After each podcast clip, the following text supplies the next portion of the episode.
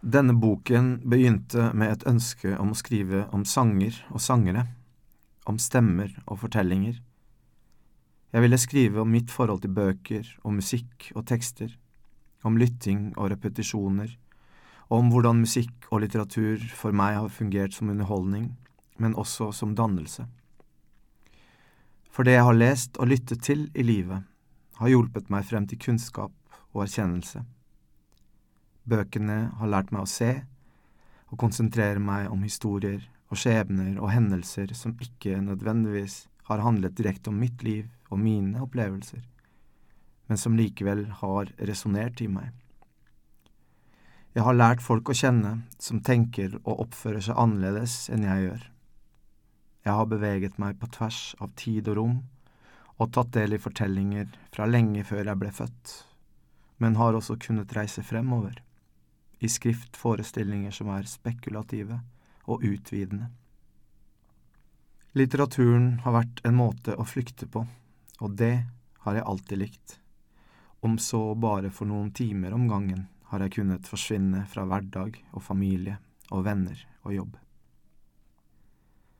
Den argentinske forfatteren Cesar Aira ble i et intervju spurt om hva som gjorde at han begynte å skrive.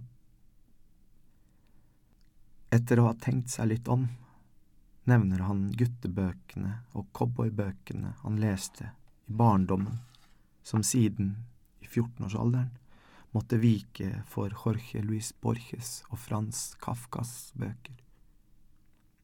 Jeg tror de fleste av oss som blir forfattere, blir det for å ha en unnskyldning, sånn at vi kan fortsette å lese bøker, sier han. Det sømmer seg liksom ikke for et voksent menneske å ligge på en sofa en hel dag og lese. Litteraturen lærer oss at det å lese er en risikabel syssel. Jeg tenker på Alonso Quijano, den gamle skrullingen som forleser seg på ridderromaner og blir koko og gjenoppfinner seg selv som Don Quijote, før han rir ut i verden for å slåss med ting som ikke finnes. Jeg tenker på den triste skjebnen til Emma Bovary, som tar arsenikk og dør, etter at tilværelsen med legemannen i Jonville ikke svarer til hennes drømmer, for hun har lest så mange romaner at hun ikke klarer å føle seg hjemme i virkeligheten. Og jeg tenker på denne forkvaklede tiden vi lever i, på alt det som fyller opp skjermene vi stadig plasserer foran ansiktet. Menneskemasser på flukt, enkeltskjebner brettet ut i helgebilagene, bilder av brennende byer, kirker, moskeer, gater, torg. Bilder vi deler på sosiale medier som forsøk på engasjement og tilstedeværelse. Finnes det noen unnskyldning for å sitte i godstolen og lese fiksjoner? Er det ikke bedre å lese sakprosa eller se dokumentarfilm for å forstå samtiden og fortiden og ja, fremtiden også, vel? Er ikke fiksjon et slags skjulested? Fra vi er ganske små, lærer vi at flukt er noe dårlig. Du skal ikke flykte fra virkeligheten. Rus er flukt, hørte jeg i ungdommen, da mamma sjekket pupillene mine etter at jeg hadde vært på fritidsklubben og spilt gitar, og hun var livredd for at jeg hadde røykt hasj eller gudene vet hva. Du skal ikke flykte fra virkeligheten, fikk jeg høre, som om virkeligheten var en helt uproblematisk entitet, som om ingen kunne være i tvil om hva virkeligheten virkelig var. I boken The Creation har Anne Carson et nydelig essay om søvn, der hun blant annet skriver om Virginia Woolfs To the Lighthouse, a novel that falls asleep for 25 pages in the middle. Mellom del én og tre av romanen, mellom skildringen av Ramsay-familien før og etter første verdenskrig, skriver Virginia Woolf frem et tomt hus som vær og tid tærer ned. Og gjennom husets stillhet er det som om vi hører krigen utspille seg som en sang som plutselig dukker opp i en drøm og varsler et mareritt.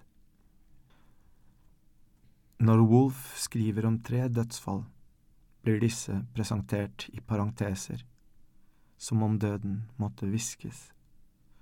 Mrs. Ramsay har dødd av ukjente årsaker, datteren Prue i barsel, og sønnen Andrews død i skyttergravene skildres slik. A shell exploded. Twenty or thirty young men were blown up in France, among them Andrew Ramsay, whose death, mercifully, was instantaneous.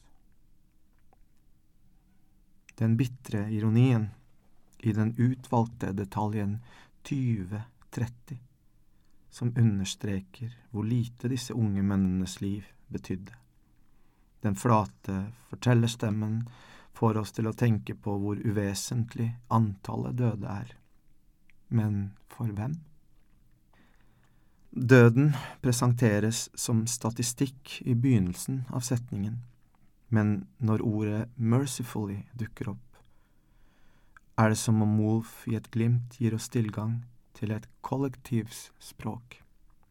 Befolkningen i guttesoldatenes hjemland, nabofamilier og bekjente, som med disse ord, kan vi tenke oss, snakker om de døde med respekt og ømhet.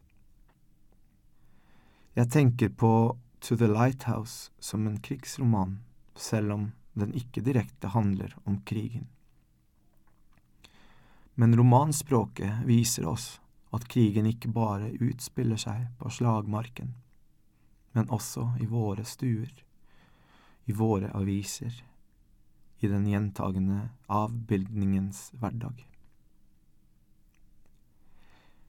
Jeg var ikke et lesende barn. Barndommen tilbrakte jeg enten på en crossykkel eller blant bildeler og bensinlukt sammen med mine mekanikeronkler. Lesingen kom først senere, da jeg som elleveåring landa romskipet mitt på Kolbotn og måtte lære meg å snakke norsk. Men sterke musikkopplevelser kan jeg huske å ha hatt ganske tidlig i livet.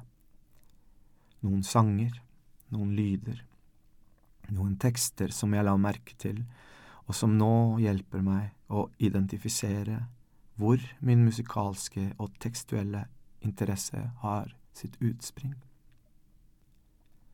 Som ungdom skjønte jeg at sangene kunne brukes som en slags hengebro mellom den personen man har vært, og den man til enhver tid er.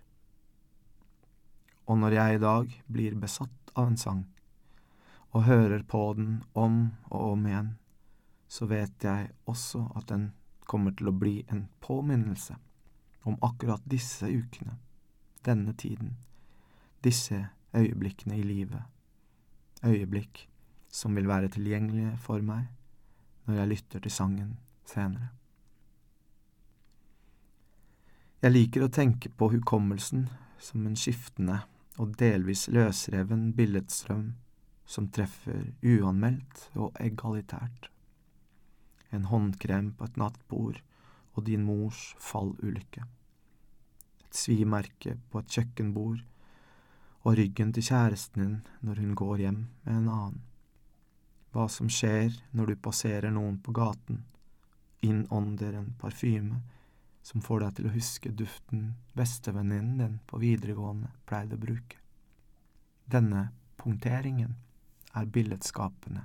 Du ser et svaberg, et par blå joggesko, en hvit bil. Hukommelsesknokler kaller Georges Perec sine nedtegnelser i boken Jeg husker. Skriftens utforskning av hukommelsen, den helt private hukommelsen, undersøker om minnet kan romme noe annet enn individualitet singularitet og entydig privatisme. Det er som om Perek vil si hva skal til før mine minner blir gyldige også for andre? Eller kanskje bedre, i hvor stor grad ligner mitt liv alle andres liv. Jeg husker at pappa tok meg med i dyrehagen.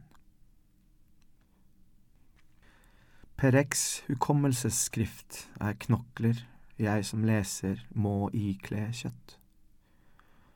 Slik må jeg møte hans rudimentære tekster, ikke bare med empati, men også med forestillingsevne, nysgjerrighet, intelligens. Avfeier jeg det tilbakevendte blikket som uforpliktende kjeling med fortiden? Går jeg glipp av det nostalgiske vesenets leting, dets kamp, en vilje til å pendle mellom tidstablåer som hukommelsen utstiller. For i tillegg til å virvle opp bilder, glimt og apparisjoner, gir hukommelsen oss muligheten til å se ting annerledes enn vi gjorde før. Sammenstøtet mellom de noen ganger vilkårlige bildene minnene får frem, kan få oss til å tenke gjennom hva slags forhold vi har hatt til en verden vi har levd i, og dermed også til å fundere over forholdet og oss selv på nytt.